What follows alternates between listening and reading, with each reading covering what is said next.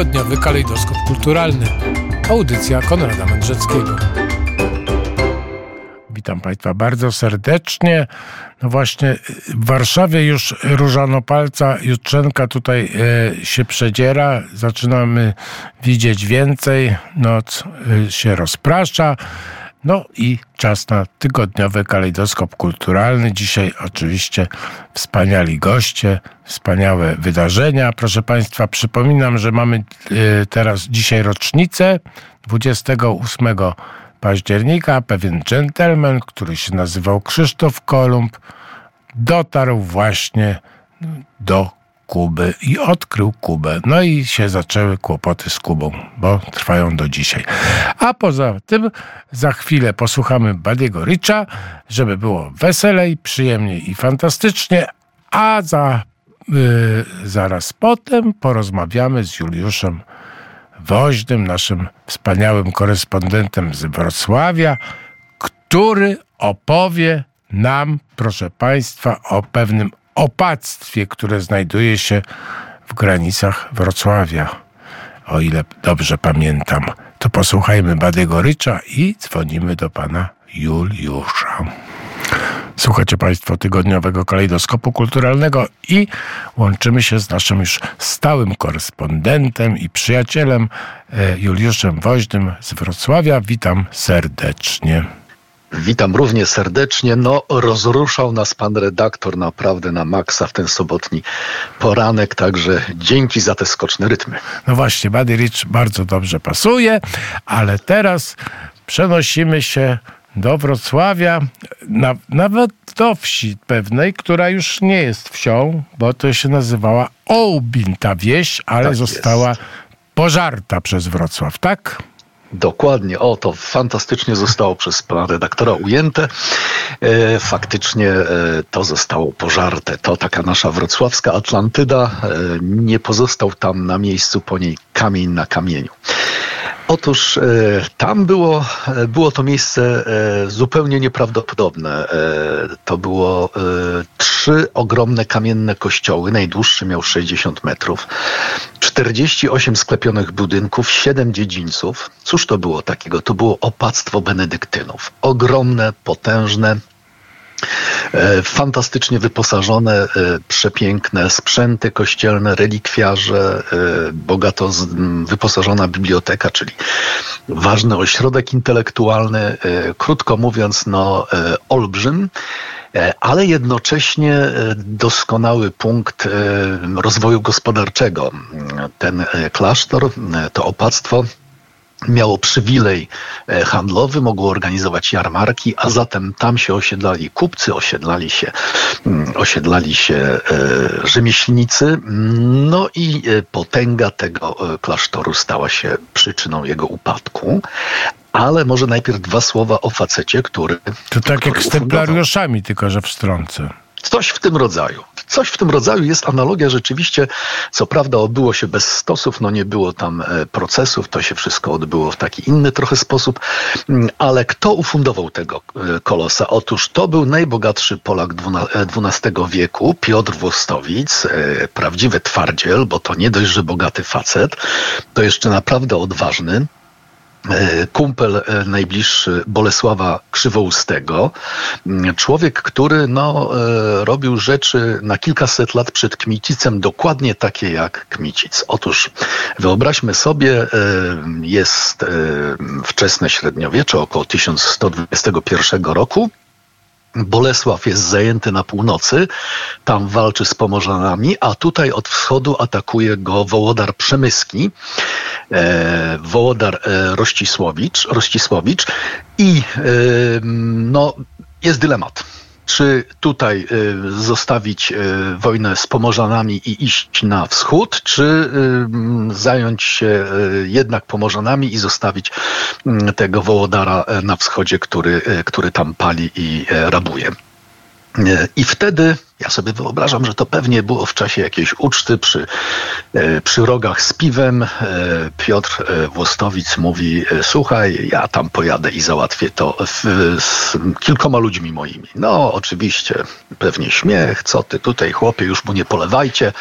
Nie, pojadę i załatwię sprawę. I rzeczywiście wyruszył na wschód.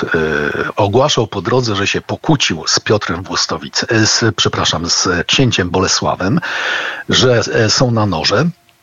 No i Wołodar tak wspaniałego sojusznika, tak bogatego e, człowieka przyjął z otwartymi ramionami. Tam nie jeden raz mm, sobie popijali w piwniczce. Nawet Piotr e, trzymał e, dziecko Wołodara do chrztu, czyli no tak zachowywał się jak rasowy agent 07. No i pewnego razu wybrali się na polowanie.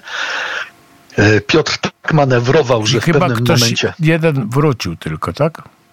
Wołodar, e, to on tak manewrował, żeby e, został sam z, ze sługami i z Wołodarem e, gdzieś tam w osobnym miejscu. Porwali Wołodara, no to jest dokładnie taka sytuacja jak z Bogusławem, z Bogusławem Radziwiłem i Kmicicem, prawda? Pamiętamy też, że, że Kmicic go porwał, być może, być może opis tego porwania Sienkiewicz czytał.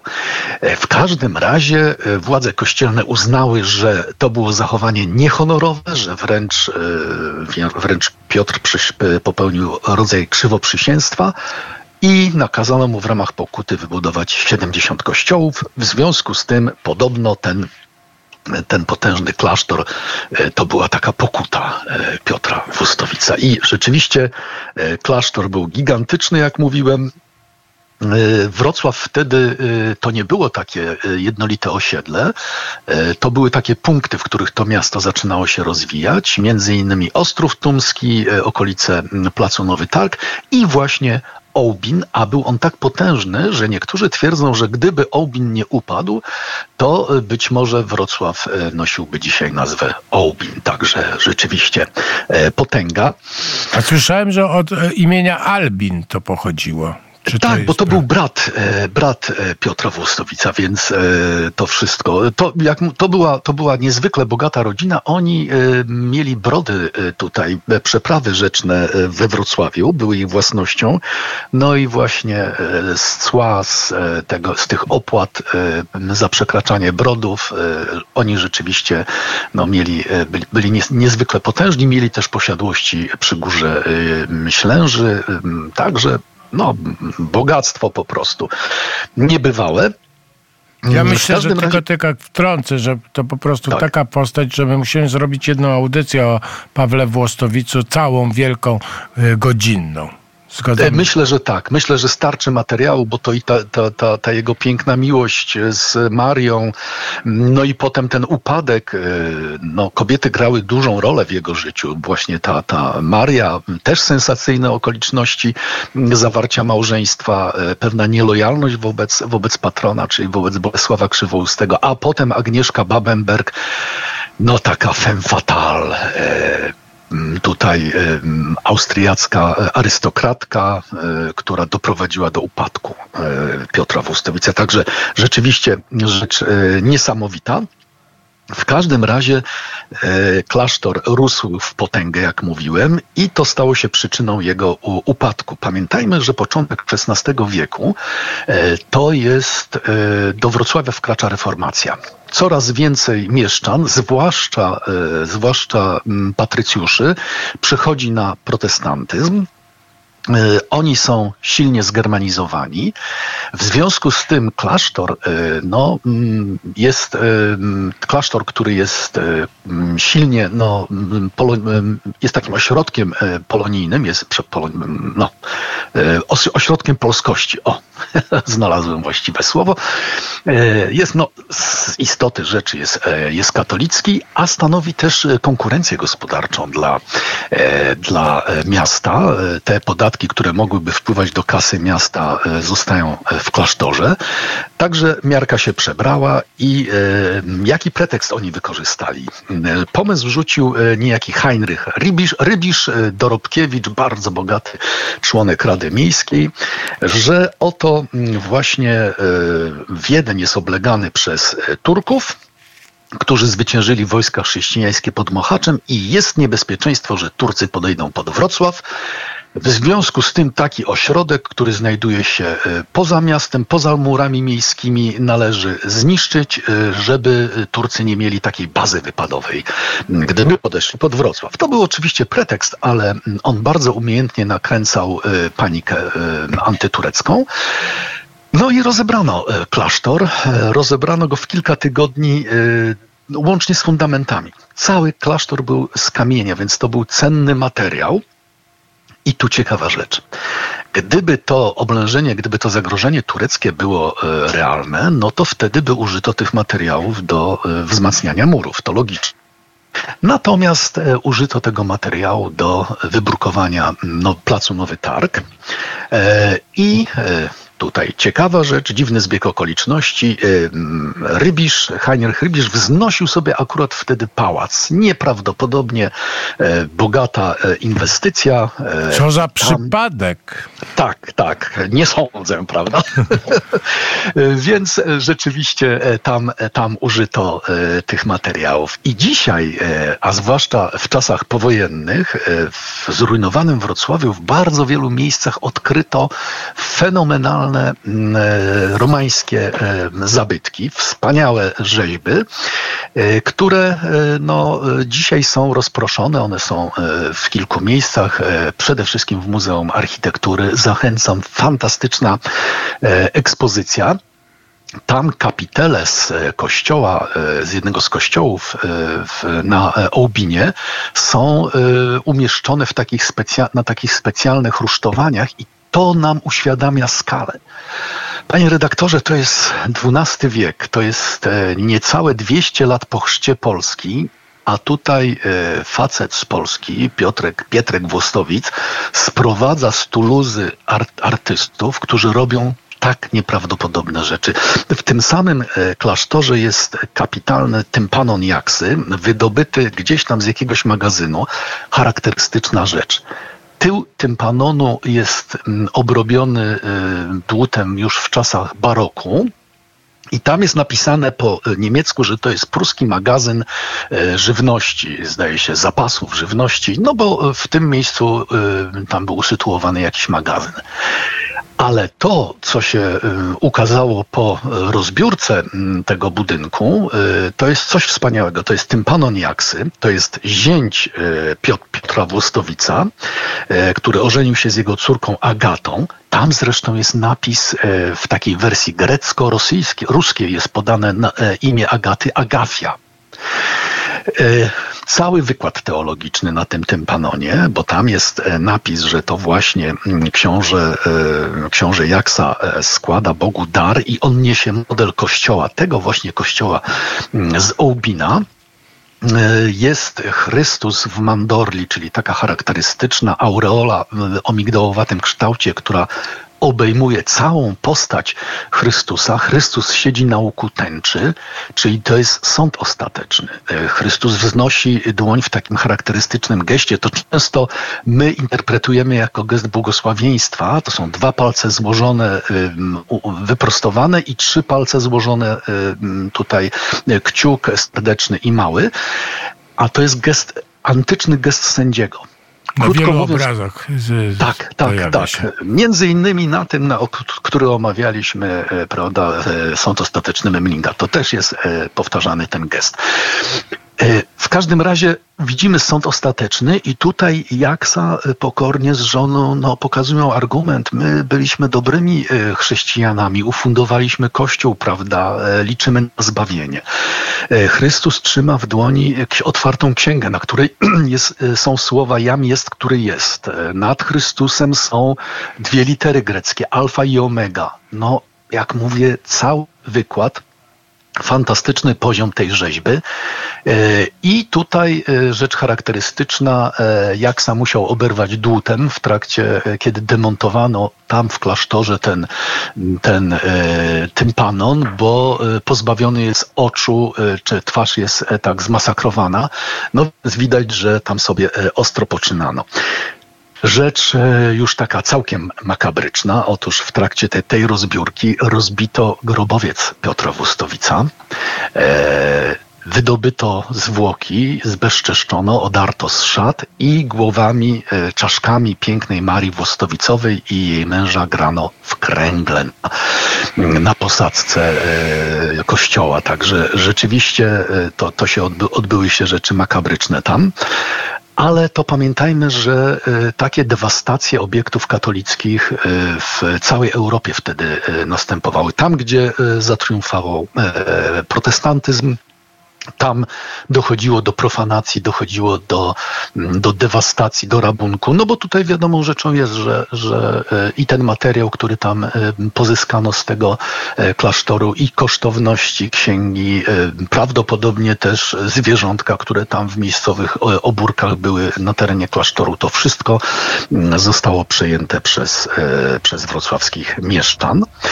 I jeszcze jedna rzecz. Otóż portal e, ołbiński, słynna rzeźba, słynne taki, takie wejście, obramienie wejścia e, z jednego z, też z kościołów e, na Ołbinie zostało wtórnie umieszczone w kościele, w ścianie kościoła świętej Marii Magdaleny. To jest pierwszy kościół, który przyjęli protestanci od katolików we Wrocławiu. No i czasami tak się mówi, że no tutaj protestantom się musiał bardzo podobać ten, ten portal, bo to rzeczywiście e, wspaniały zabytek. Moim zdaniem nic podobnego. To jest trofeum.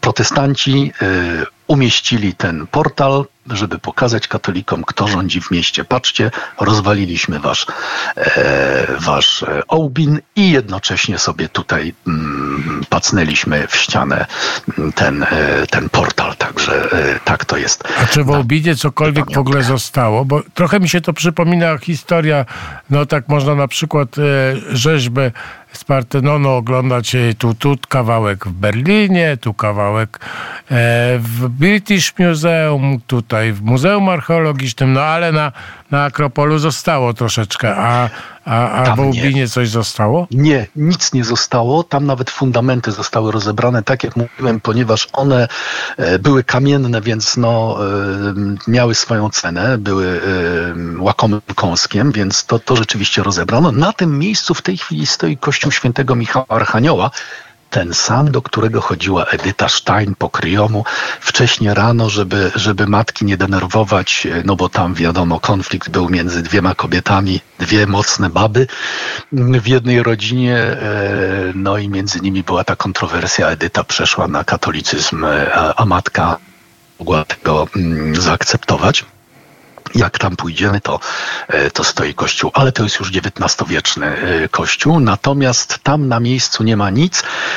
Tak sobie Myśleliśmy e, z panem dyrektorem e, Muzeum e, Architektury, że trzeba będzie może tam oznaczyć to miejsce jakoś, może, może jakoś spróbować tam na miejscu pokazać, jaki był obręb chociaż tych ważniejszych budowli i gdzie sięgał Ołbin, ten, ten klasztor, to opactwo. Może by wtedy wrocławianie uświadomili sobie, co straciliśmy, że rzeczywiście mieliśmy tutaj taką Atlantydę, która zapadła w mroki dziejów. No to piękna historia. Polecam. Zdjęcia można zna znaleźć na przykład tego portalu. E, e, są są do, dostępne. Trzeba wpisać e, opactwo w Ołbinie i można znaleźć zdjęcia portalu, tympanonów i różnych e, kolumn. E, można sobie to pooglądać, e, że tak powiem, umiejscowić i obejrzeć fragmentami i sobie poskładać w głowie. Ja chciałem tylko powiedzieć, że panie Juliuszu, na koniec, że tutaj Herold przyjechał z Wrocławia i trąbił o jakimś wspaniałym komiksie, w którym pan miał, jak maczał palce. Tak, tak, tak. E, udało się, e, zdołałem znaleźć e, wydawcę. Tutaj wielkie dzięki i pokłony w stosunku do Ośrodka Kultury i Sztuki we Wrocławiu. Igor Wójcik skinął głową, powiedział tak, ukaże się jeszcze w tym roku komiks o Edycie Stein, także panu redaktorowi oczywiście wyślę darmowy egzemplarz. No co się komu należy, to się należy. No dobrze, oczywiście i porozmawiamy o tym komiksie przy okazji. E, spotykamy się już niebawem. Będzie kolejny temat wrocławski. A Włostowica też sobie... Tu jeszcze może, może jeszcze jedno słowo. Zakon, zakon tak. Jeszcze jedno słowo o Włostowicu. Tak. E, Otóż oczywiście no, taka postać obrosła legendami, to mm, tutaj e, nie mogło być inaczej. I są jakieś takie pogłoski, że jego gro, drugi grób Piotra Włostowica w Tumie pod Łęczycą się znajduje, że cwany Pietrek jakoś tam się przeniósł. E, Nie wiadomo jakim cudem, e, ale e, no to jest fantastyczne, że, że e, taka indywidualność, taki gość, taki, taki można powiedzieć zakapior mm, e, działa na wyobraźnię. Była cała e, opowieść o nim, Carmen e, Mauri, czyli pieśń Maura, w- Maura w którym był, były pokazane te dzieje triumfu i upadku Piotra Włostowica, też zaginiona, potem sobie próby rekonstrukcji tej, tej pieśni. No, fantastyczny temat. To mm, gdybym miał pieniądze, to zrobiłbym film o Piotrze Włostowicu i to byłby A przebój Póki co zrobimy audycję całą godzinną z muzyką i tak dalej. Będzie wspaniała ta audycja. Jeszcze nie wiemy kiedy dokładnie, ale jesteśmy już namówieni i obiecujemy e, bardzo serdecznie. Panie Juliuszu, dziękuję bardzo. Dziękuję. Dziękuję, pozdrawiam z Wrocławia i zapraszam. Pozdrawiamy bardzo serdecznie, bardzo dziękujemy. A teraz Angels of Libra i Kawa. To są moje ostatnie odkrycia muzyczne. Trololo. No właśnie, 28 października tego dnia właśnie Krzysztof Kolumb e, w 1492 roku odkrył Kubę. E, Niestety, jak się okazuje. A Naszymi gośćmi, właściwie współgospodarzem jest Łukasz Witkiewicz. Witam serdecznie. Dzień dobry Państwu, I witam. on dzisiaj sprowadził wspaniałego gościa, pan profesor, doktor habilitowany Jacek Tomczyk, profesor Wydziału Filozofii Chrześcijańskiej. Dzień dobry, witam pięknie. No i oddaję głos panu Łukaszowi, bo on tutaj będzie tutaj spirytusem mowensem tej rozmowy głównym. No dobrze, zaczniemy dzisiaj e, o, e, oczywiście kolejny temat średniowieczny, który jest jakby adekwatny do tych dni, które e, przed nami, ale też, że tak powiem, y, nastąpi bardzo ciekawy zwrot też w naszej tutaj, naszym e, spotkaniu, w naszych, w naszych rozmowach. Tak, przed nami y, y, święto wszystkich świętych, no to jest takie rzeczywiście, zapominamy się, że to jest też takie święto życia, e, życia, życia wiecznego, życia w pełni, ale tym niemniej jednak no, y, idziemy, odwiedzamy cmentarze tam, gdzie leżą doczesne cz- szczątki naszych y, bliskich. Y, a jak to było w średniowieczu? Jak wyglądały cmentarze? To obraz tych cmentarzy jest nieco inny, a właściwie zupełnie inny niż sobie wyobrażamy, niż to jest w dzisiejszych czasach.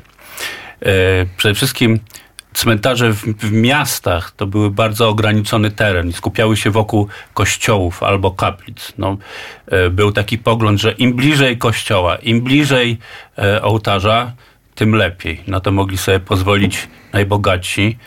Mówimy sobie o, o, o śmierci, która wszystkich zrównuje e, w, w, w prawach, ale, ale tak nie było, bo nawet po śmierci m, ta klasowość gdzieś tam mm, się zaznaczała w tym, że e, y, tylko najbogatsi, tylko najbardziej znakomici mogli spoczywać na przykład e, w kryptach e, ko- kościelnych i to też właśnie im bliżej prezbiterium, tym, mm, tym lepiej. Był też podział na kwatery dla kobiet i, i, i, i dla mężczyzn. Najubożsi mogli liczyć na zbiorowe mogiły. No, dzisiaj to wygląda może makabrycznie, ale to były jakieś takie doły 6 na 6, głębokie na 3. Po prostu tam rzucone ciała biednych albo tych, którzy y, zmarli z powodu mm, epidemii. Przykrywano te doły po prostu deskami albo jakąś kratą. I tak to zostawiano. Jeśli chodzi o nagrobki, no to dopiero w XI wieku e, pomyślano o jakichś krzyżach, o jakichś kamieniach.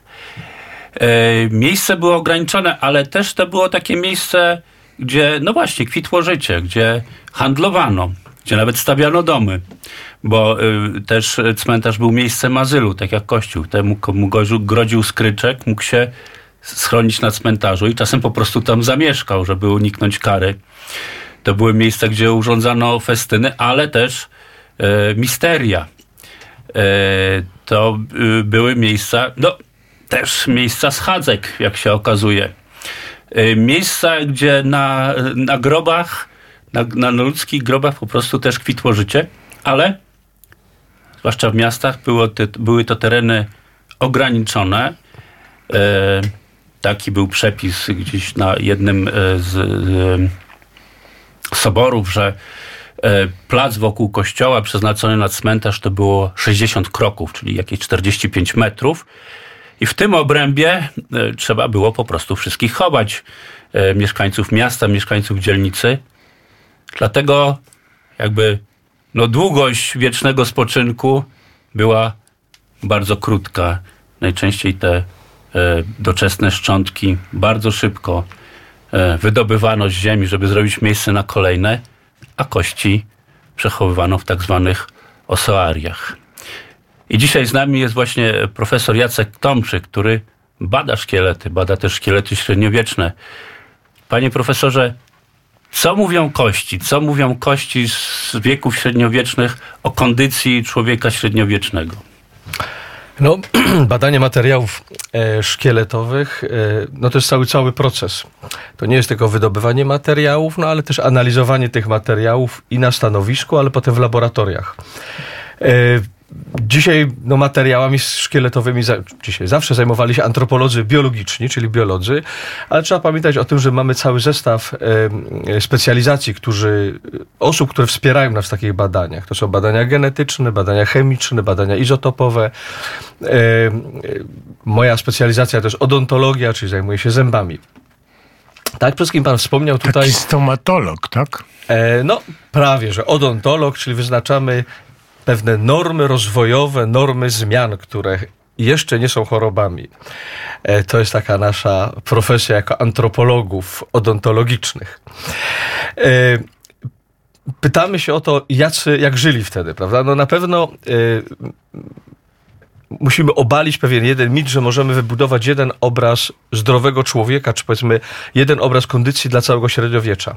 Tak jak dzisiaj w obrębie jakiejś miast, jakiegoś miasta, aglomeracji albo nawet rejonu mamy ludzi o różnej e, jakości życia. No i tak było kiedyś.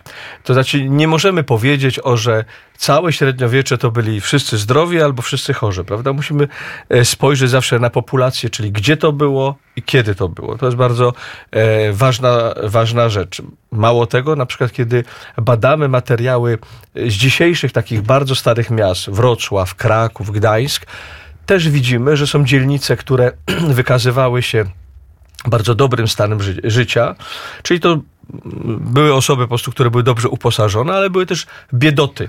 Biedota, która gdzieś mieszkała w jakichś rejonach, czyli po prostu były e, rejony miast lepsze i gorsze, no tak jak również dzisiaj jest w tych dużych aglomeracjach. Więc to jest pewne e, takie założenie wyjściowe, które nakazuje nam dużą ostrożność, kiedy dokonujemy badania. E, kiedy materiały szkieletowe są badane, no możemy wykazać e, i jaka była jakość diety, czy był głód, czy nie było głodu, czy były choroby, choroby przewlekłe, choroby infekcyjne, jaka była, jakie było tempo wzrostu tego, e, tych osobników. W związku z tym tu mamy cały wachlarz badań, no i informacji, które możemy uzyskiwać. Kiedy pytamy się o to, jak oni żyli, no to trzeba powiedzieć, ale o jakim mieście, o jakim rejonie my mówimy. To trzeba pamiętać. No właśnie, ja, ja, teraz chciałem tylko zapytać, bo, zapomnę, a ostatnio otwarto, polecam zresztą wystawę Jacka Malczewskiego w Muzeum Archidiecezji Warszawskiej i tam jest jeden z, e, no, kilka wersji, ale jest taka wielka wersja e, wizji Ezechiela i tam właśnie e, no, jest obraz, który no, jakby jest przed, sekundę przed, że tak powiem, zmartwychwstaniem tych, tych kości. Jak to właśnie, no bo pan jest profesorem Wydziału Filozofii Chrześcijańskiej, więc jak to będzie z tym E, powrotem do, do bycia, e, e, jak to ubiorą się te kości w, powrotem w ciało i, i, i, jak to, to będzie i czy to będą takie właśnie sytuacje, że ci, co byli no, w gorszej kondycji, dalej będą w gorszej kondycji, czy będą już w takiej niebiańskiej kondycji wszyscy, czy jakaś przemiana nastąpi, taka pozytywna? Tak, no jestem, jestem na, na Wydziale Filozofii, rzeczywiście to taki może tylko komentarz do tego, jako że na Wydziale Filozofii Filozofii na Uniwersytecie Kardynała Wyszyńskiego e, kierunek ochrona środowiska, tak jak i kierunek psychologia i filozofia e, został już przed bardzo wielu e, laty usankcjonowany. Ja tylko przypomnę, że w średniowieczu i później nauki przyrodnicze należały do nauk filozoficznych. No pozostałość jest taka e, anglosaska, którą mamy te PhD, tak, filozofii doktor, mimo że ktoś jest biologiem, chemikiem. E, Więc to takie wyjaśnienie, dlaczego tak e, na Wydziale Filozofii ktoś taki jak ja, czy takie osoby e, o, takiej, o takiej obydencji naukowej, to raczej rozszerza podejście. Jak będzie, to nie wiem, zaczekajmy, zobaczymy, no bo tu jest znowu założenie, że ktoś przyjmuje zmartwychwstanie. Są osoby, które nie przyjmują tego, e, tego faktu. Ale my tu jesteśmy e, katolikami, Tak. więc e, przyjmujemy. No, i- przyjmujemy. Pragnę Boga, no. Nie, no to Gdzie my jesteśmy? No, jesteśmy w Radio Wnet. Tutaj wszyscy przyjmujemy zmartwychwstanie. w porządku. I teraz, i teraz, no, jeżeli spoglądamy na Pismo Święte, na, na, na zapowiedź zmartwychwstania, no to w wielu momentach jest mowa o tym, że nie będzie tak jak na ziemi, nie będą się żenić, nie będą za mąż wychodzić. E, przypominam, że Jezusa po zmartwychwstaniu nie poznano, co oznacza, że miał ciało inne, odmienione. E, przecież apostołowie znali go wiele razy, prawda? Jednak był ten moment w No ale powrócił przecież, to No, no, powrócił, w Emaus, tak, e, powró- i tak dalej. No, Powrócił, ale skoro tyle lat był z nimi, a go nie poznali, czyli jego ciało było całkowicie odmienione, co oznacza, że e, per analogia możemy założyć, że i moment zmartwychwstania będzie również odmienieniem naszego ciała, zatem te słabości, te wszystkie ułomności gdzieś zostaną e, odsunięte od nas. No tak należy podejść do tego. Jak natomiast będzie on wyglądał, ten moment e, zebrania prochów, nie wiem, po prostu nie wiem. I myślę, że chyba, Tajemnica. chyba nikt tego nie wie, e, ja- jak to będzie, aczkolwiek... Możemy tylko liczyć, że ci, którzy nie są w Dolinie Jozafata też będą mieli e, e, szansę, tak? Dokładnie. E, ale właśnie ja chciałbym jeszcze porozmawiać o tym, co zostało, co widzimy właśnie z tego życia Mm. tutaj na ziemi, z tego znoju. E, też właśnie rozmawialiśmy też e, chwilę przed, e, przed wejściem do studia o, o tej różnicy też e, nie tylko statusu, ale też różnicy w obrębie samej epoki średniowiecza. Tak? Mhm. Że człowiek wczesnośredniowieczny nieco inaczej był obciążony w pewnych, Mhm. w pewnych regionach niż człowiek w późniejszym średniowieczu. Tak? No, przede wszystkim warto zwrócić uwagę, że funkcjonowanie było inne. To nie, są, to nie jest jeszcze okres tak licznych, ogromnych miast. To są raczej małe miejscowości, e, e, jakieś zabudowy, co oznacza, że ludzie byli bardzo blisko środowiska, czyli e, pozyskiwali pożywienie i funkcjonowali i wewnątrz tych wsi, tych grodów, tych, tych miejscowości, ale też w, w środowisku, czyli lasy, gdzie były, rzeki, gdzie były. No warto zwrócić uwagę, że bardzo często te miejscowości były zawsze gdzieś przy, e, przy rzekach, przy jeziorach, tam gdzie jest woda, gdzie jest łatwy dostęp do wody. Pozyskiwanie jedzenia było ta, zdywersyfikowane. I to rzeczywiście e, dość e, często widzimy, że rzadko mamy sytuacje świadczące o głodzie. E, No tak, bo by jest taki mit, to może obalimy, Tak. że człowiek wczesnośredniowieczny to człowiek głodny. no więc właśnie niekoniecznie. Te wskaźniki biologiczne, one pokazują, że głód, jasna sprawa, że był, natomiast to nie na taką skalę jak w późniejszych okresach, bo jeżeli ludzie wczesnego średniowiecza mieli lasy, mieli rzeki, mieli pola, no to jeżeli się, y, nie wiem, coś na polach stało, no to szli do lasu i tam zdobywali po prostu to pożywienie. Na przykład taką sytuację e, bardzo dobrze widać w Radomiu. No, akurat badałem między innymi Radom XI, XIV, XVIII wiek. I ta duża dy- dywersyfikacja jedzenia, ona wpłynęła, że mało by inc- incydentów głodu, a równocześnie niewielka była próchnica. No, próchnica jest e, chorobą, która jest związana z jedzeniem kariogennego jedzenia, czyli to niekoniecznie to y, słodycze, tak jak popularnie myślimy, no ale jedzenie na przykład bardzo y, zbożowych produktów, tylko zbożonych, zbożowych produktów. W tym XI wieku było i mięso, były i ryby, były warzywa, były owoce, było rzecz jasna i, i produkty zbożowe, to sprawiało to, że zawsze, zawsze coś na stole było. W późniejszych okresach, kiedy miasta powiększają się, ludzie wchodzą do tego miasta, tam szukają pracy, tam zaczynają żyć. Wokół miast pojawiają się duże tereny rolne. No i w tym momencie rzeczywiście, kiedy coś dzieje się, nie wiem, rzeka wylewa, y, jakaś zaraza jest, tam rzeczywiście się pojawiają wtedy y, większe, część y, incydenty głodu, braku pożywienia, ale też i wzrasta na przykład próchnica, co oznacza, że ta dieta po prostu była mono, nie była u nas taka mhm. mocno zdywersyfikowana.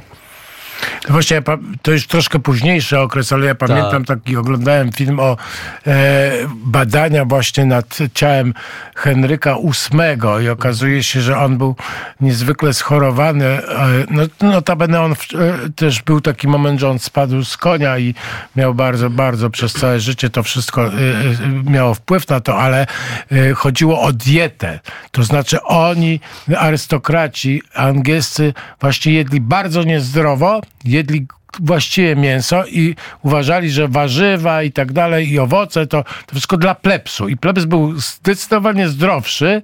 Takie, no, to wynika z badań. Właśnie to, to chwilę po średniowieczu, no to jest 1490 tak. się urodził e, e, Henryk VIII.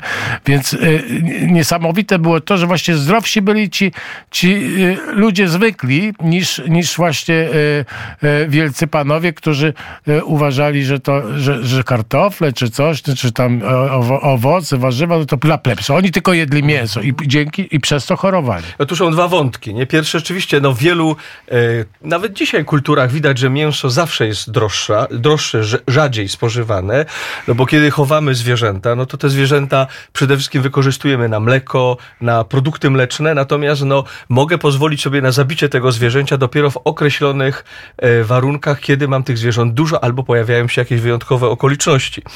E, to jest taki pierwszy wątek wątek. Natomiast drugi wątek, jeśli chodzi o częstość jedzenia.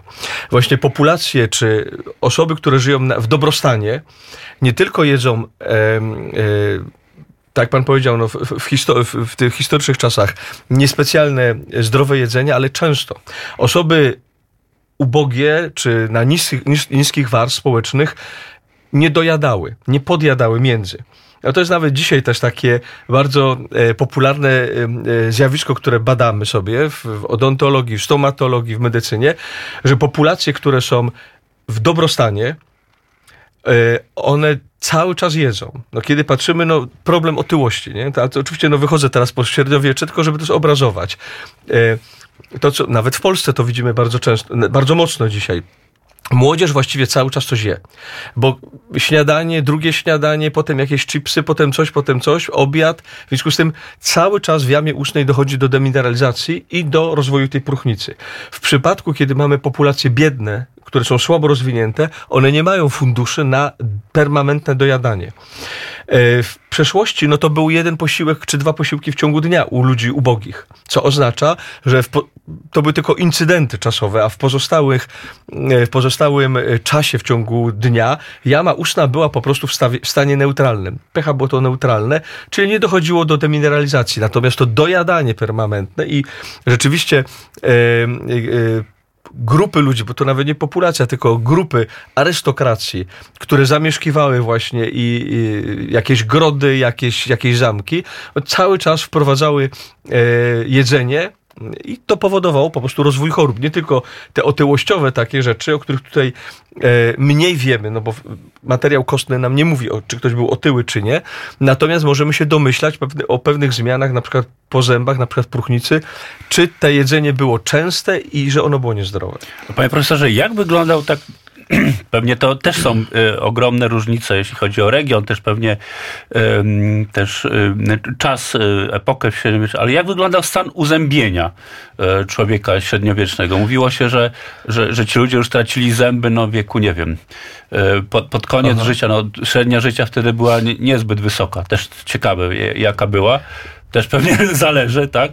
Ale jak to właśnie było z tym uzębieniem w tamtych czasach? No, z tych analiz, które, które dane mi było zrobić, no tych, tych, tych materiałów troszkę prze, prze, prze, przerzuciłem, nie jest to złe uzębienie. To znaczy się po pierwsze, oczywiście starcie zębowe, bo o tym mowa, jest większe niż u nas, bo trzeba pamiętać o tym, że starcie zębowe zawsze jest związane z wiekiem, ale z tym, co jemy, prawda? Czyli czy jedzenie jest twarde, abrazyjne, czy jest to jedzenie miękkie, miałkie, delikatne. No, u nas to, co obserwujemy zasadniczo, to to, że to, to starcie dopiero pojawia się w późniejszym okresie naszego życia, no ponieważ mamy miękkie jedzenie, chleb, bułki, jakieś chipsy, jakieś mięso gotowane i tak dalej. W związku z tym te zęby się y, wolniej ścierają.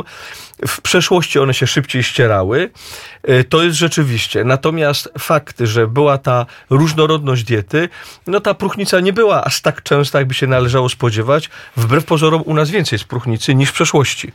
Również ta dzisiejsza próchnica jest bardziej mocno zaawansowana niż kiedyś. Y, dzisiaj mamy u młodzieży tej próchnicy sporo, u dzieci próchnica taka kwitnąca, która obejmuje całe uzębienie. W przeszłości to były bardzo rzadkie, rzadkie sytuacje, rzadkie wydarzenia. Również inne zmiany, które mamy, to są choroby przyzębia, które pojawiają się, no myślę, że, myślę, że tutaj słuchacze wiedzą, że chodzi o krwawienie dziąseł. To jest ten pierwszy etap choroby. Jeżeli on jest e, postępujący, nieleczony, on przechodzi na zmiany kostne, które są już nieodwracalne, periodontitis tak zwane i to obserwujemy w materiałach szkieletowych. E, te choroby, e, one wynikają z, niedo, z niedoczyszczenia jamy ustnej, z, z braku właściwej higieny.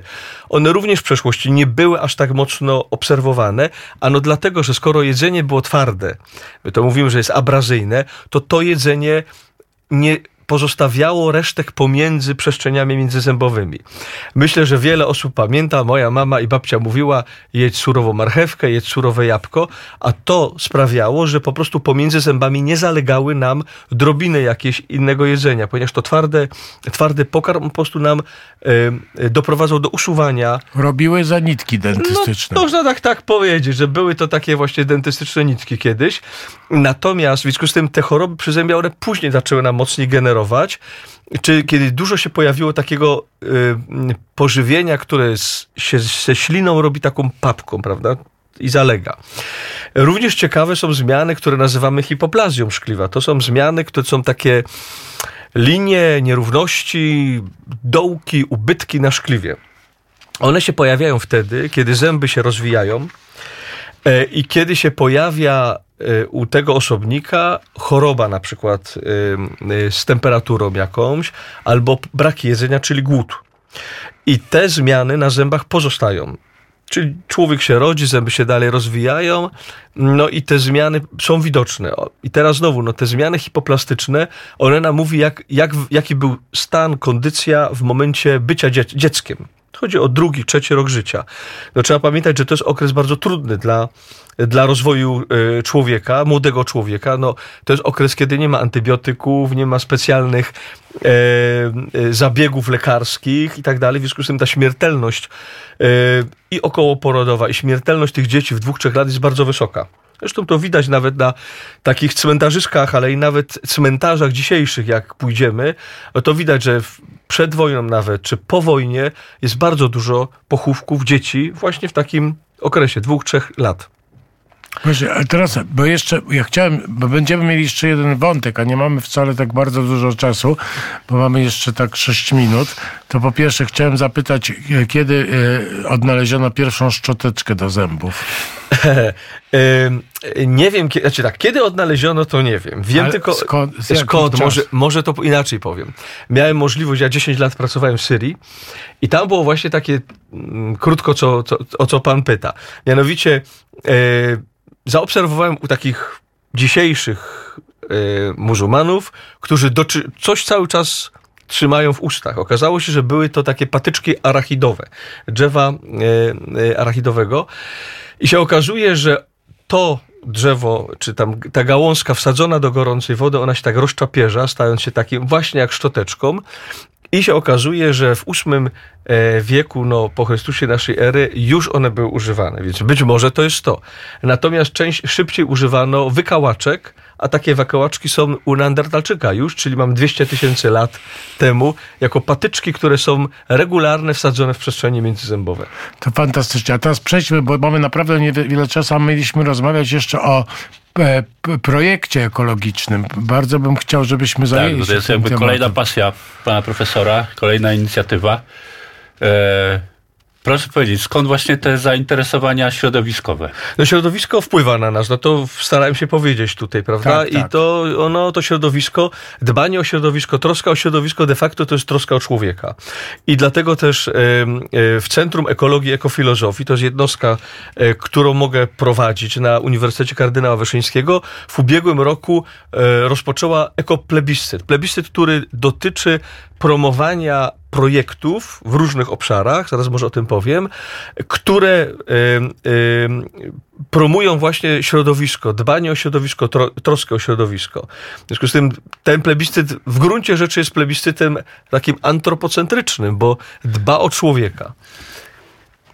E, No i co, ale co, coś więcej. Co, Co- można zrobić, żeby wejść w Okej. ten plebiscyt? E, Zaproponowaliśmy cztery kategorie. Jest to kategoria skierowana do szkół podstawowych i szkół średnich, kategoria skierowana do firm, kategoria skierowana do urzędów e, administracji publicznej, czyli urzędów miasta i kategoria, która jest skierowana do uniwersytetów, studentów. A zatem osoby, które są w tych czterech kategoriach, mogą przesyłać e, propozycje inicjatyw ekologicznych, które zostały przez nich wykonane albo są wdrażane. No i kapituła, która została powołana, ocenia wartość tych projektów. A zatem mogą być to od projektów edukacyjnych na etapie szkół, to będą projekty naukowe, wdrożeniowe, które mają e, badania, e, które są prowadzone na uniwersytetach e, przez studentów, przez badaczy. To są projekty, które mają charakter taki wdrożeniowy, aplikacyjny, to co robią firmy, aby w środowisku było lepiej. No i wreszcie urzędy, które również podejmują różnego rodzaju działania, jakieś nasadzenia lasów, jakieś e, zbieranie e, e, czy segregowanie dodatkowe śmieci. W związku z tym wszystkie te obszary są e, e, oceniane przez nas. No i rzeczywiście w ubiegłym roku było to no, takie spektakularne pierwsze wydarzenie. Sprawdziło się, e, pojawiło się bardzo wiele kandydatów z różnych tych obszarów i w tym roku raz jeszcze to ponawiamy i rozpoczęliśmy tą edycję. E, Do 8 grudnia jest możliwość składania, aplikowania swoich Dobra, to pomysłów. teraz, bo mamy naprawdę minutę niecałą, e, e, to proszę powiedzieć, jaka jest strona, żeby wejść i, się więcej dowiedzieć na ten temat i e, jaka jest nagroda, czy milion dolarów, czy, czy jak? E, Strona jest to ekoplebiscyt.ukasw.edu.pl. E, Nagroda e, to są statuetki i to są nagrody w wysokości 5 tysięcy złotych. E, Jest to darmowy, darmowy udział w plebiscycie. Nie trzeba żadnego, żadnej opłaty, żadnego fee wprowadzać. No i przede wszystkim sława. Dlatego Splendor, splendor. splendor i najważniejsze No dla- i to, że robi się coś dla, dla, dla, dla życia, dla planety, że to jest niezwykle ważna w dzisiejszych czasach inicjatywa i wychodzi to właśnie z UKSW, no miejsca, gdzie, gdzie bardzo tak interdyscyplinarnie, bardzo integralnie podchodzi się do, e, do ochrony środowiska e, w Instytucie Centrum Ekologii i Ekofilozofii, gdzie współpracują ze sobą- no, specjaliści z wielu różnych dziedzin, też biolodzy, etycy, filozofowie, nawet prawnicy, oczywiście chemicy. No, no dobrze, ale musimy już, to wspaniale, ale musimy kończyć. Bardzo dziękujemy. Jesteśmy, panie profesorze, e, w kontakcie nieustającym. Ja już sobie ostrzę ząbki na różne rozmowy, bo też prowadzę taką ekologiczną audycję e, e, nasza w tym rola i będziemy się kontaktować. Dziękuję bardzo, bo muszą być reklamy przed dziewiątą, później wiadomości. Pan profesor Jacek Tomczyk i Łukasz Witkiewicz byli z nami. Dziękuję bardzo. Dziękuję. No jest takie miejsce w Warszawie, nazywa się Kino Relax i to Kino Relax będzie miejscem, w którym wydarzy się kolejny wspaniały projekt. On, ten projekt się nazywa Blue Switch Project, tak? Dobrze powiedziałem? Bo to jest. tak powiedziałem. Bardzo ładna wymowa.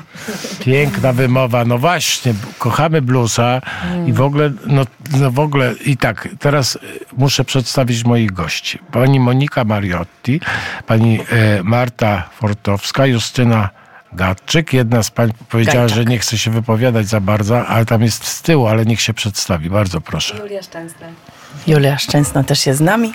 No właśnie, ale jest schowana Dobry właśnie duch, z dobry tyłu, duch. w drugim rzędzie siedzi. No właśnie. No i co? Kiedy się zaczyna ten, e, ten e, Blues Witch Project i co będzie się działo? Mm, teraz tak, premiera jest 8 listopada e, w scenie Relax właśnie. Będzie się bardzo dużo działo, będzie dużo o bluesie i to jest spektakl.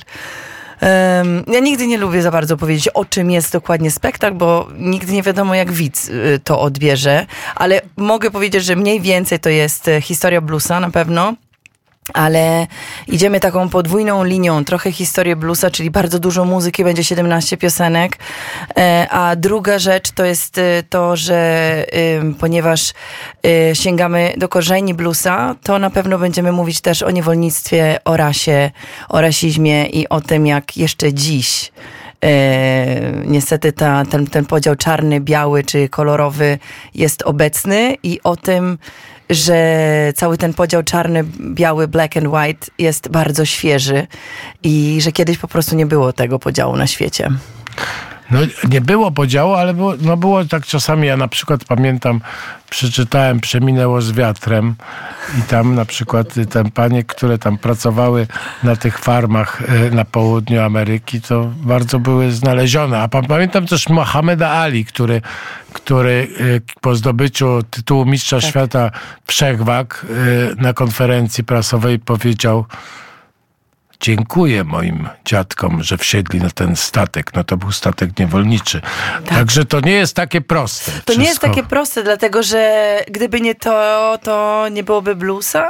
Nie byłoby bluesa, nie No, byłoby... a nie byłoby całej muzyki do dziś. I nie byłoby Milesa Davisa. Nie No. byłoby, nie byłoby Ed James, nie byłoby Billie Holiday. Byłoby nas też. Nie Proszę nie- mówić do o mikrofonu. Ja bardzo Tak, proszę, o panie my- sobie o tutaj może tak usiądą, żeby każda przy swoim mikrofonie. Proszę bardzo, tutaj. O. Bo my tutaj... y, Tak, ale to jest, e, e, tak, to jest, to jest prawda, że nie, to nie chodzi o to, że zło też generuje dobro i dobro generuje zło. Nigdy, to jest jedno koło, prawda? Ale mm, właśnie chodzi o to, że jesteśmy w tym spektaklu bardzo wdzięczni, że możemy przedstawiać całą te, te korzenie bluesa i historię i też uświadomić ym, też ludzi, którzy, którzy, którzy na przykład nie słuchają tego e, albo myślą, że blues to jest fajne, bo to da, da, da, i myślą, że to jest takie coś No, ale blues wesołe. jest smutny. Sama nazwa Tak. wskazuje, że on jest smutny, tak? A, wie, a właśnie bardzo mało ludzi wie, że blue, I am blue, to znaczy ja jestem smutny. Mm, To nie jest takie oczywiste. Może w Stanach Zjednoczonych i w Anglii to jest, ale nie tylko chodzi o to, czy dobrze się mówi po angielsku, czy nie, ale ogólnie jestem smutny, mówi się I am sad. I bardzo mało ludzi mówi I am blue, a to jest tak potężne słowo, blue, blues. Y, I się właśnie z tych pól bawełnianych to no, wynosi wszystko. Opowiedzmy o tej opowieści. Czy ona Tak. jest chronologiczna? Czy, bo to jest podróż e, w krainę bluesa. Czy ona się, że tak powiem, właśnie tak toczy chronologicznie, powiedzmy od czasów plantacji bawełny i tak dalej, i tak dalej, aż do współczesności, czy jest jakaś inna koncepcja? Więc tak, y, to też, to, to nie jest spektakl, to jest spektakl muzyczny lub koncert teatralny, nie wiem jak to powiedzieć dokładnie i to jest super, że nie ma takiej definicji, ale jedziemy przez baśnie przez chwilę, bo e, inspirowałyśmy się też e, e, ja i właśnie Marta Fortowska, która tutaj jest e, współscenarzystką i tak naprawdę jest osobą, która czuwa nad scenariuszem najbardziej. Em, no, nie wiem, Marta może powie, że jak się to zaczyna, powiedzmy, albo jak, jak, jakie są te dwa bloki, które No są. jest tam e, w materiałach napisane wyraźnie, że jest, wchodzicie w, w korzenie bluesa. Tak, no więc korzenie, korzenie. czyli no początek. E, Wchodzimy w korzenie bluesa e, i zaczynamy, nie wiem czy mogę tutaj mówić imionami bohaterów, tyle zdradzać. Jest no. pewna postać, którą rzeczywiście zaczerpnęliśmy Chyba można, z bo ja mi się wydaje, że tak to nie jest tak, że wszyscy... Ola Lobie może. Tak, mamy, mamy Lalobę, która jest zaczerpniętą postacią z baśni i ona jest takim łącznikiem pomiędzy światem, pomiędzy światem historii, a naszym światem realnym, z którego przychodzi bohater, taki narrator, który przez, tę- przez tę historię bluesa będzie nas prowadzić. Także staramy się w zasadzie, można powiedzieć, że chronologicznie. Czyli macie Zaczynamy takiego chronologicznie. przewodnika, jak Wergiliusz prowadził O, to, to, to, Dantego tak. Przez e, wszystkie kręgi piekło czyście Dokładnie. raj. Tak, są z, nami, są z nami dwie kobiety. Możemy o nich powiedzieć troszeczkę, że te tytułowe wiedźmy, chociaż one mają mnóstwo innych funkcji poza byciem wiedźmami. E, I mamy narratora, mamy mężczyznę, który tym bluesem jest e, zafascynowany, ale który też odbywa jakąś swoją wewnętrzną podróż poprzez podróżowanie przez muzykę i przez gatunki, które z bluesa się wzięły. Dokładnie, bardzo ładnie powiedziane. Ale czy to jest e, taka e, e, historia, wszystko się zazębia, czy to jest bardziej tak właśnie od utworu do utworu i taki kalejdoskop? Czy to bardziej kalejdoskop, czy to bardziej narracja taka... Myślę, że to nie jest, y, y, to nie jest dokładnie unity of time, nie wiem jak się naz- mówi to, ale tak jakby, że będzie to dzisiaj, jutro, za miesiąc, nie ma czegoś takiego, ale to nie są impresje takie wyjęte z, z całej, z całej narracji.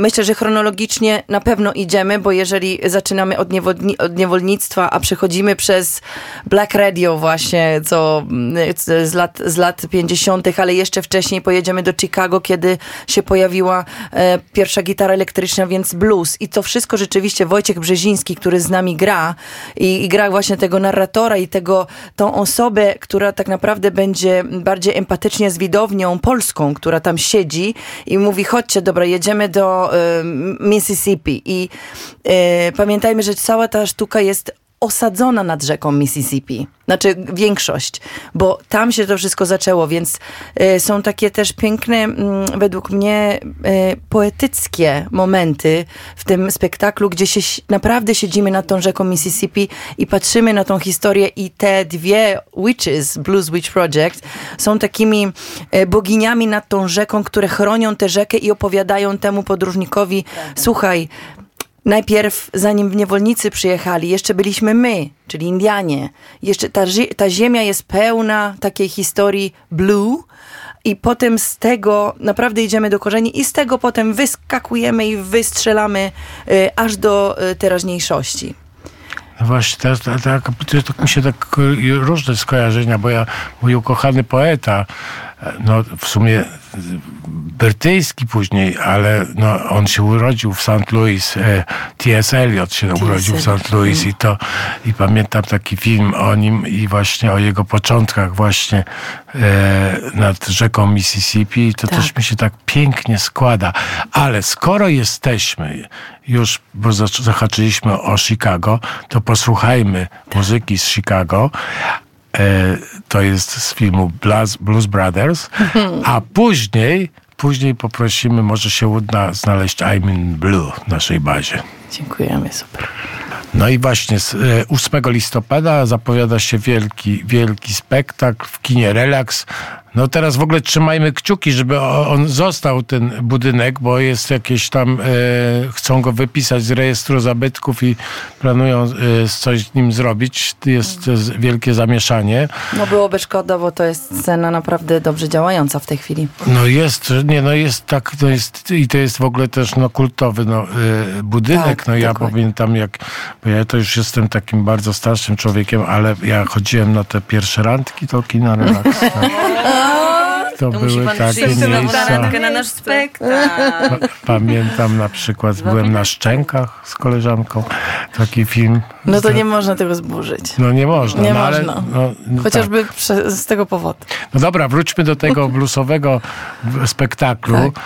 No właśnie, ważna sprawa, no kto śpiewa i co śpiewa i jak śpiewa, bo zresztą, notabene, ja już Państwu tutaj chciałem powiedzieć, że będziemy mieli próbkę tego spektaklu dzisiaj Mhm. tutaj na żywo. Malutką. Pani Marta będzie śpiewać. Nie, pani Justyna. Pani Justyna Marta, będzie to śpiewała. może też będzie chciała Nie, zaśpiewać. nie, nie. Ja to sobie siedzę z moimi literkami i Pani Marta tutaj pisze, ja Tak. śpiewam. śpiewania. Marta Fortowska pisze, a Justyna Kajczak jest e, razem ze mną e, na scenie i razem z Wojtkiem Brzezińskim. Wszyscy śpiewamy, ale to jest prawda, że e, ja i Wojtek dużo, dużo gramy teatralnie. Jesteśmy aktorami od ponad 20 lat, a Justyna... Przecież pani wygląda dopiero na 20 20 lat, to jak może pani... I e, właśnie to dlatego to powiedziałam, bo to jest zawsze fajne.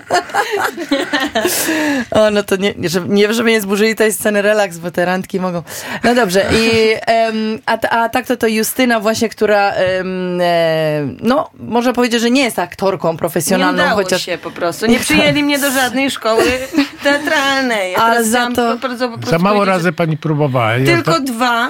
No właśnie, ja znam takich aktorów wystarczy. wybitnych, którzy dawali po 7 razy, Tak. no i w końcu im się udało. to jest jak prawo jazdy, no. Tak, no niestety, poddałam się. E, znaczy poddała się i nie poddała się, ponieważ e, Justyna po prostu jest wokalistką, e, według mnie wybitną, bardzo młodą, więc jeszcze, jeszcze nieznaną, chociaż możesz opowiedzieć chwilę o sobie, żeby ludzie wiedzieli, co ich czeka, jak będą na Blues Witch Project. Czy ja wiem, co ich czeka? No, No, na tak- pewno m- mój głos ich czeka. y, y, jest trochę dziwny y, i jest to według mnie y, du- duży atut. Y, nie jest to głos, który można jakoś tak włożyć w szufladkę na pewno. Czy szufladki oczywiście miewałam. E, szufladki Nat- Natalii Przybysz, Amy Winehouse. E, więc to są takie moje dwie główne szufladki, do których próbowano mnie e, włożyć, ale ciągle, ciągle staram się jednak e, wychodzić z tych szufladek.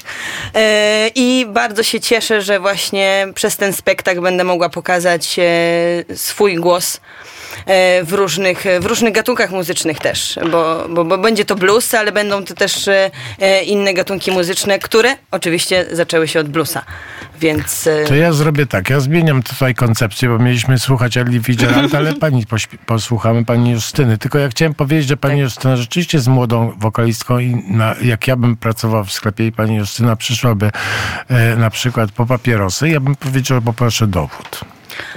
Ale kłamstwo. Ten pan państwa okłamuje. Jest to taka ściema, proszę państwa.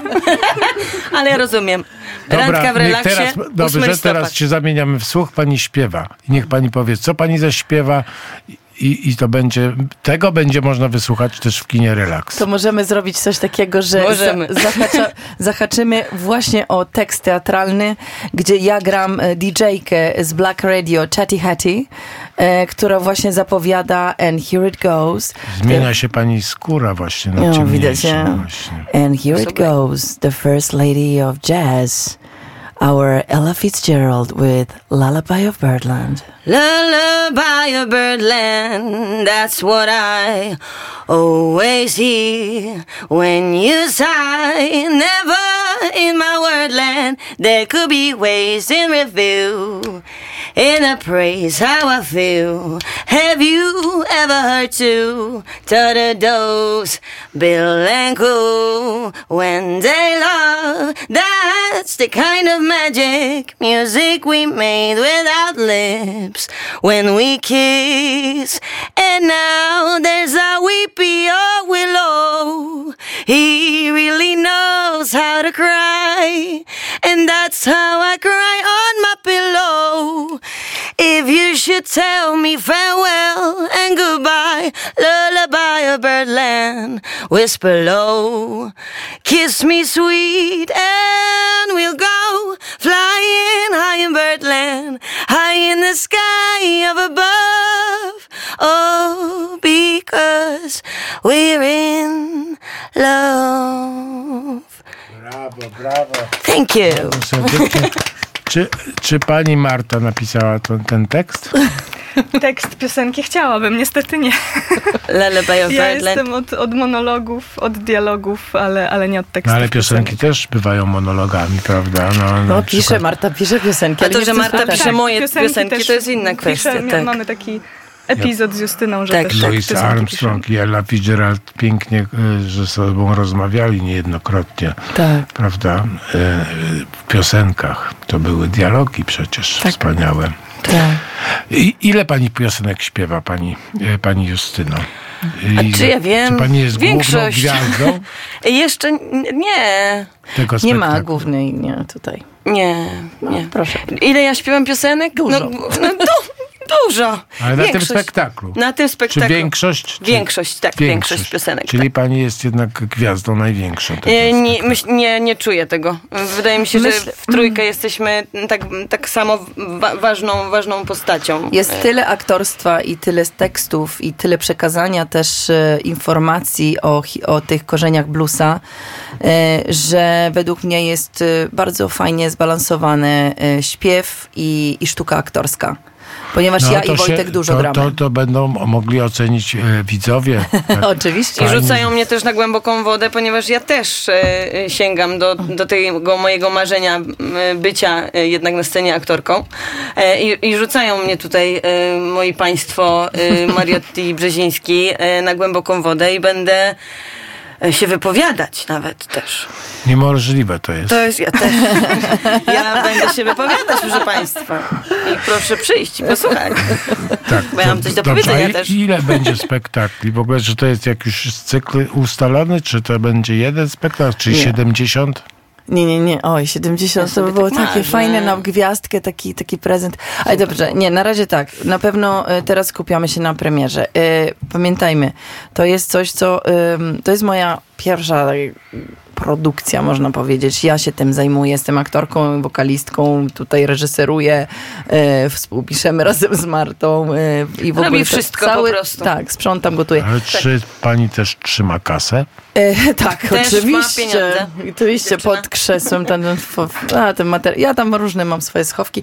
I, mm, no i co się dzieje, że e, teraz jesteśmy wszyscy skupieni na tym, żeby to było dobre, a nie mm, żeby to sprzedawać, chociaż już mamy cztery terminy w przyszłym roku. No, ale mm, e, to e, zajmie nam trochę więcej czasu, jak tylko się skończy premiera. Gdybym nie grała, gdybym nie była tam wokalistką, aktorką i, i, ca, i całego wozu nie, nie, nie nosiła na sobie, to, e, to na pewno bym już zaczęła, zaczynała sprzedawać, tak? Ale myślę, że w przyszłym roku będziemy grać. S- więcej niż ja w tej chwili myślę, bo e, trzeba tylko się wziąć do roboty i to sprzedawać. No bo to tak, fajnie by było trasę zrobić. Ale Tym, oczywiście. Prawda? W różnych miastach, na przykład w tych miastach, gdzie e, Radio Wnet nadaje na UKF-ie e, i byśmy wtedy na takie miasta jak Kraków, na przykład No, Bydgoszcz na przykład. Oczywiście.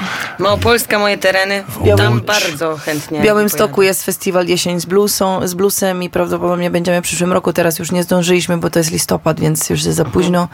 Ale też ym, niesamowita jest, niesamowita duża jest e, społeczność bluesowa w ogóle w tym kraju i, i oni tylko, że to nie jest komercyjne, a tak to to jest, jest du- dużo festiwali, dużo imprez i mam nadzieję właśnie, że oczywiście to nie tylko tam, bo ja, ja w swoich spektaklach e, gdzie mam e, piosenki włoskie, gdzie mówię o, o szamanizmie buriackim na Syberii, gdzie mówię o, o Ninie Simon i to wszystko. Ja bardzo chcę zawsze dojść do tych ludzi właśnie, którzy nigdy o tym nie słyszeli, bo według mnie teatr też ma taką funkcję. Ma funkcję, żeby mm, odzwierciedlać nas, tak, co się dzieje przez różne historie, żeby emocje były, ale też, żeby czasem taką takie informacje, no nie chcę powiedzieć dydaktycznie, bo to, to nie o to chodzi, ale żeby przekazać wiedzę, po prostu wiedzę, nie? E, Więc e, według mnie na przykład Blues Witch Project się fantastycznie nadaje do szkół. Bo jest o rasizmie też. No dobrze. No, historii a muzyki. jak, a jak, bo ja te jeszcze ciekawe, bo to są takie korzenie różne, ale na przykład, czy pani lubi muzykę gregoriańską? Oczywiście. No właśnie, bo to też są to też wspaniała muzyka, właśnie wyrosła z tego pnia chrześcijańskiego, to też jest fantastyczne. Ja, ja na przykład najbardziej lubię chyba z kompozytorów Claudio Monteverdiego. Ostatnio Mhm. wysłuchałem w kościele Nieszporów Claudia Monteverdiego na starych instrumentach i to było naprawdę przeżycie nieprawdopodobne. No właśnie to jest, to jest cudowne właśnie, że ja, ja lubię całą muzykę, jedyno to zasypiam przy techno niestety, bo w pewnym momencie... Co? No nie Tego, tak, mam- tego tobie nie wiedziałam. Ja jestem, jestem transowa, wtedy to tak zasypiam, bo to jest cały czas jedno. A to jest Okej. też piękne, mam super Jest sny. taka mantra techno, Ale mało tak? słucham, tak. Okej. Ale tak, to ja w ogóle jestem e, jakoś tak mam mm, fioła na punkcie tego, żeby opowiadać o różnorodności. Jestem pół Polką, pół Włoszką i, i ciągle z, z, No to Monteverdi jak najbardziej. No, oczywiście, właśnie, oczywiście. Vivaldi. To też rezonuje bardzo ze mną. Ja bardzo się cieszę, że poruszamy właśnie ten temat, bo dla mnie nie ma nic fajniejszego niż, e, niż, niż fakt, że, że, te, że się różnimy wszyscy. I jest największą wartością, i to też przekazuję mojemu dziecku lat 7, że najlepsze, co w nas jest, to to, że wszyscy jesteśmy inni e, i, i potrzebujemy po prostu to pielęgnować w sobie. I bardzo się cieszę, że poruszamy ten temat e, w spektaklu. Tak, po prostu mamy dosyć troszeczkę tego, że jeżeli ktoś jest czarny, czy żółty, czy czerwony, to na pewno ma taki charakter. No to już jest tak powierzchowny w tym. No tak, ale to są takie stereotypy, które zawsze funkcjonowały i będą funkcjonować. No, no, no jest tak, no, ale ja e, no, jak spotykam ludzi właśnie no, bardzo różnych tutaj, przychodzą do mnie e, pisarze, e, muzycy, aktorzy, reżyserzy, filozofowie. No jest to wspaniałe spektrum ludzi, że tak powiem, i, i, i, i mają, że tak powiem, no, no, raczej wspólne korzenie, ale, no, ale są właśnie piękni w, tej, w, tej, w, ty, w tym, czym się zajmują i, y, no, i, no i No jest- nie, nie, nie, nie histeryzowałbym, tak? No bo są pewne takie mechanizmy społeczne, no to, y, które, no, które funkcjonują i tego, że się szuka wspólnoty i się e, e, tą wspólnotę chroni jakoś bardziej, no to tak jak w rodzinie. No nie jest tak, że przecież będziemy e, tak samo kochać dzieci na, z, y, sąsiadów, jak i swoje, no bo to, to jest niemożliwe. Ale no. oczywiście. Więc y, Ja no są jestem- pewne, pewne, pewne są rzeczy, które no, y, na pewno są rzeczy, których trzeba się trzymać i że tak powiem w szacunku i tak dalej, i tak dalej.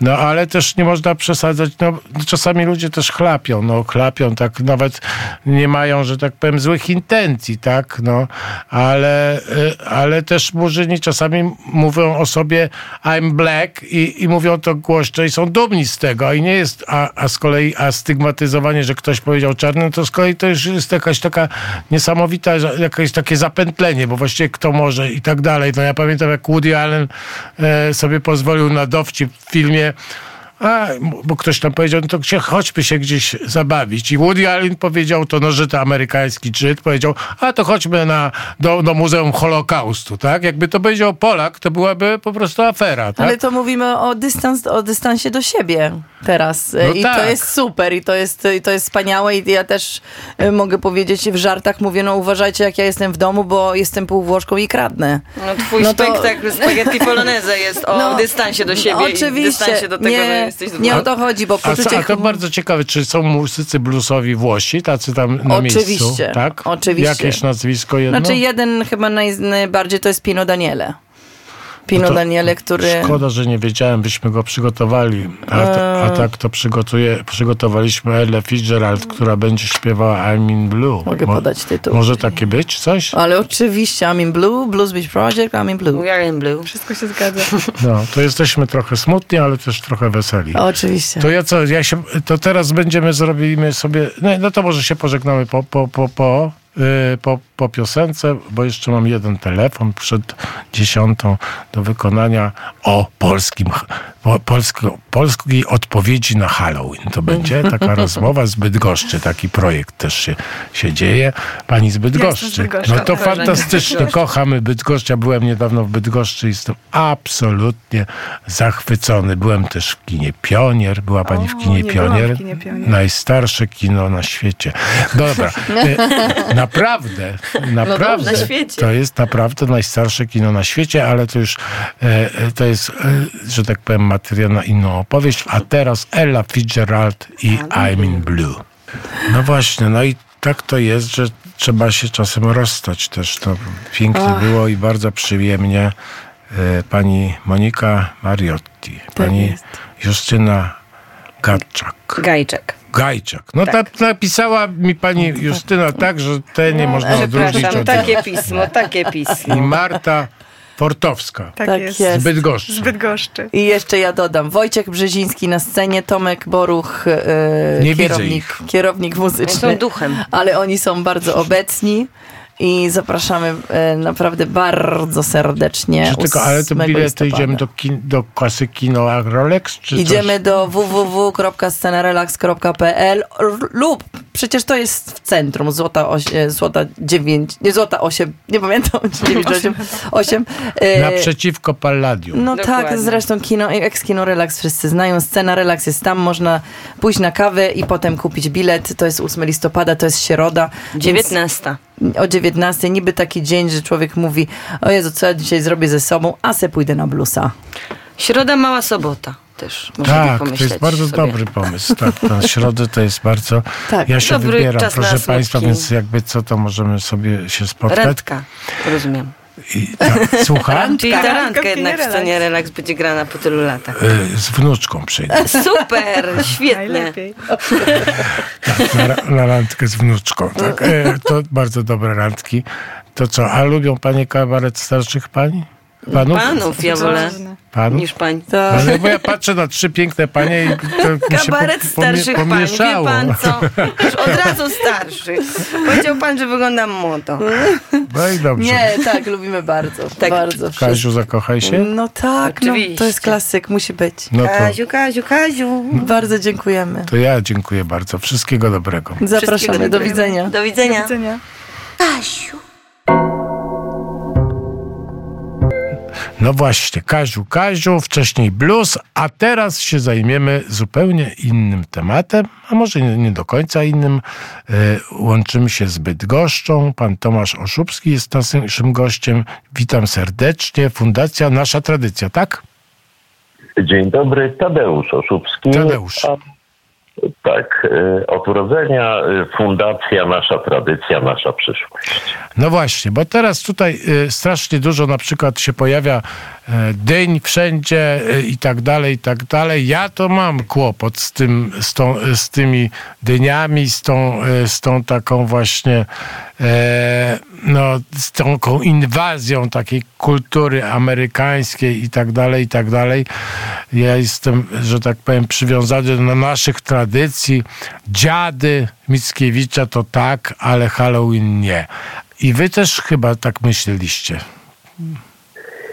Tak, y, no, zalew popkultury y, amerykańskiej, która stała się właściwie taką popkulturą globalną, y, no jest czymś naturalnym w pewnym sensie, bo jest zmasowany, ale z drugiej strony musimy pamiętać o tym, co jest naszą tradycją, a mamy ją przepiękną, y, więc warto z jednej strony spojrzeć na to jako na doświadczenie duchowe oczywiście, bo wszystkich świętych, bo dzień zaduszny, ale z drugiej strony y, nawiązując i w pewnym sensie dając odpór y, koncepcji Halloween w wersji takiej popowej bardzo, to takie już właściwie disco Halloween jest, tak mi się wydaje, to trzeba po prostu odwołać się do naszej tradycji. My to robimy, y, nasza fundacja, fundacja Nasza Tradycja, Nasza Przyszłość. Jesteśmy zresztą organizacją pożytku publicznego. Realizuje od wielu lat y, projekt Legendaria. Y, To jest projekt promujący polskie legendy, które stanowią niematerialne dziedzictwo narodowe.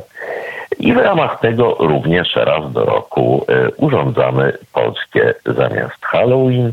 Y, W tym roku, y, wczoraj dosłownie, urządziliśmy wieczór artystyczny Polskie zamiast Halloween, profil białej damy.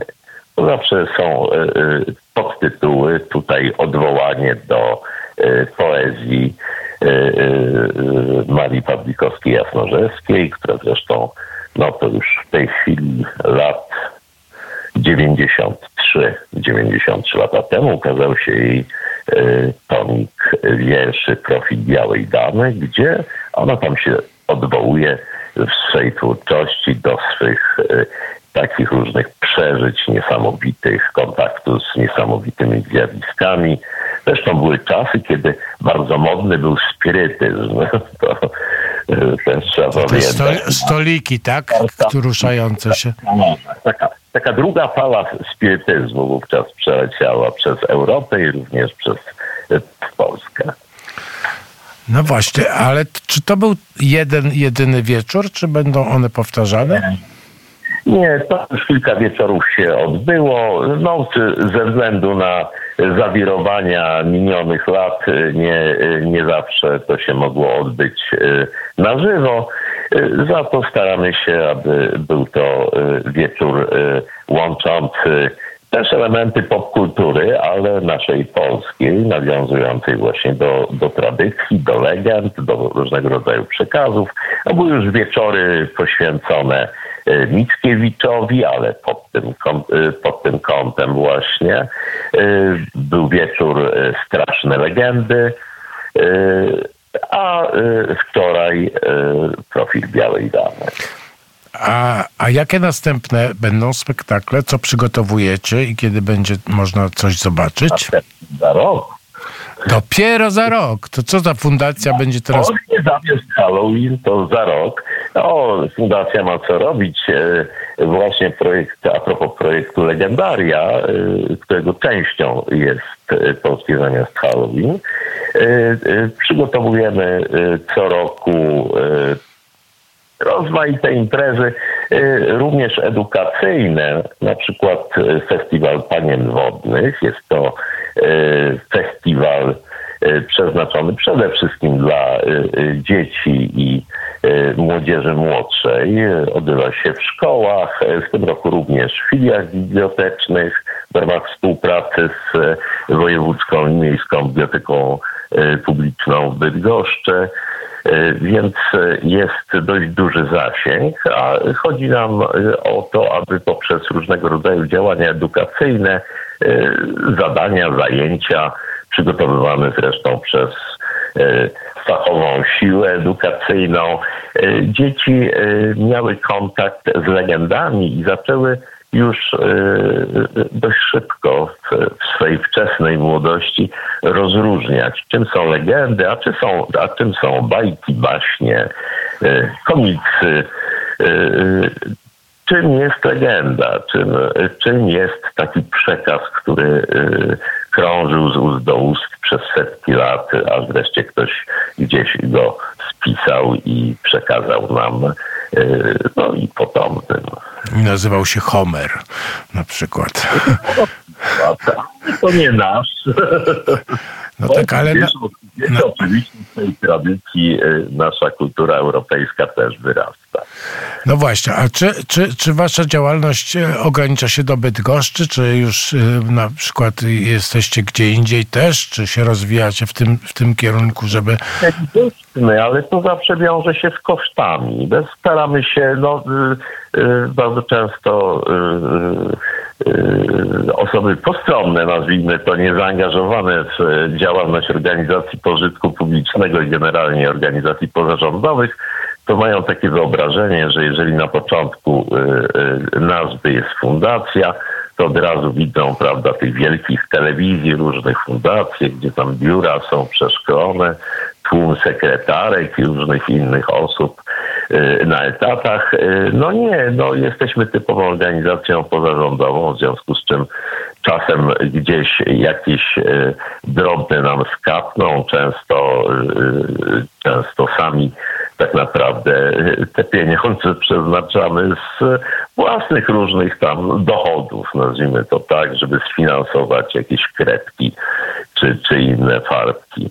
Y, Jest to działalność y, siłą rzeczy ograniczona z tego powodu, więc przede wszystkim skupiamy się na Bydgoszczy i no i gminie powiedzmy, tak, bo tu już inne miejscowości też czasem wchodzą w rachubę. No, ale je, to, to jest troszkę inaczej w moim postrzeganiu fundacji, bo też tutaj przychodzą ludzie z różnych fundacji, które no, no aż bieda piszczy czasami, a robią tak wspaniałe rzeczy i no i jest ich sporo, jest ich bardzo dużo i właśnie dlatego y, jest Radio Wnet między innymi po to, żeby właśnie o takich inicjatywach mówić y, no i no i tak. No To, to jest bardzo, bardzo ciekawe. Czy, czy jakąś wydawniczą też działalność prowadzicie? Tak, wydaliśmy kilka książek. No, jako fundacja mogliśmy pozyskać imprinty z Biblioteki Narodowej, więc e, wydaliśmy kilka książek związanych bezpośrednio e, z projektem Legendaria, czyli, czyli adaptacje literackie e, e, legend, nazwijmy to tak, e, polskich legend, podkreślmy. Z tym, że też tutaj zasięg siłą rzeczy jest e, ograniczony, bo e, tu też, żeby wejść w jakiś obieg, e, nie wiem, ogólnokrajowy, to, to też trzeba by na to funduszy. E, Za kilka tysięcy, nazwijmy to tak, złotych e, nie, nie uda się wydać takiej dużej ilości książek, móc je e, rozpowszechniać szerzej. No są takie ograniczenia po prostu i dystrybucyjne, i, i finansowe. No ale, ale teraz jest bardzo dużo się książek kupuje przez internet i po- podejrzewam, że jak wejść na waszą stronę, prawda? Bardzo bym prosił też o podanie tej strony, jeżeli tak jest i wtedy można taką książkę od was zamówić. No, w- można oczywiście. Z tym, że no, tak jak mówię, y, problemy z dystrybucją zawsze, zawsze są. Taka jest zasada niestety, y, bo y, aby, aby rozpuścić to na przykład, nie wiem, do hurtowni wówczas, no to są, to są skomplikowane sprawy, w każdym razie nas na to nie stać. Y, Nasza strona przede wszystkim funkcjonuje na jednym z portali społecznościowych. Myślę, że mogę wymienić nazwę, nie będzie to reklama, bo niemal wszyscy używają, więc na Facebooku wystarczy nazwę naszej fundacji y, tam wrzucić y, i, i czyli Fundacja Nasza Tradycja, Nasza Przyszłość, wyświetli się nasza działalność. Ja jeszcze powtórzę, nasza tradycja, nasza przyszłość, żeby Tak. e, ktoś, e, jak ktoś nie zapomniał. Teraz takie pytanie osobiste, bo ja niedawno byłem w Bydgoszczy, między innymi byłem w kinie Pionier, najstarszym kinie na świecie. Czy pan był ostatnio w kinie Pionier? Nie, nie byłem w kinie Pionier. To wspaniałe kino i ono nie, myślę, że będzie dalej, funkcjonuje już ponad 100 lat i, no i jest niesamowite. Chociaż ta nazwa jest e, trochę dziwna, bo właśnie, ale to, to jest taka pionierzy mi się kojarzą z, e, z pionierami radzieckimi i tutaj z pionierami, ale okazuje się, że kino ma 100 lat i nazywa się Pionier od pewnego momentu, ale jest kinem, które funkcjonuje zanim nawet wybuchła rewolucja październikowa. Panie Tadeuszu, bardzo panu dziękuję za, za, za opowieść o, o tym, że można e, właśnie, że tak powiem, zrobić coś zamiast Halloween Polsce w oparciu o tradycję naszą, bo mamy wspaniałe tradycje. Dziękuję bardzo za te legendarium i za tą właśnie, za ten powrót, bo to na opowieściach to jednak się buduje po prostu fundamenty e, na pięknych opowieściach, e, na poły mitologicznych, często prawdziwych częściowo. Buduje się to... Ale one są, co podkreślmy, one są wszędzie, we wszystkich miejscowościach, które, nie wiem, powstały wcześniej niż 100 czy 150 lat temu y, i y, po prostu one są zapominane, bo na tym polega problem. One są zapominane. No właśnie, a nasza w tym rola, żeby je przypominać i pan Tadeusz Oszubski, który jest naszym gościem i z którym się powoli żegnamy papa, y, y, jest właśnie strażnikiem pamięci.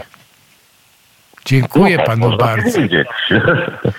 Bardzo panu dziękuję. Jak będziemy do Bydgoszczy przyjeżdżać, bo Radio Wnet bardzo często bywa w Bydgoszczy i kocha Bydgoszcz i mamy tam częstotliwość, przypominam, e, nie pamiętam dokładnie, a o jest 104,4 w Bydgoszczy. O, przypominam teraz. Jakby co, to proszę tak sobie na, nastawić ten potencjometr i, i słuchać Radia Wnet.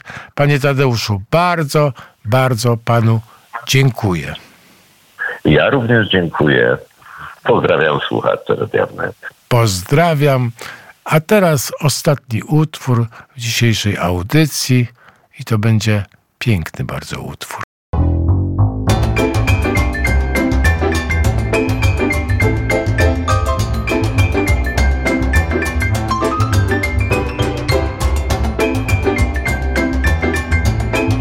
Tygodniowy kalejdoskop kulturalny. Audycja Konrada Mędrzeckiego.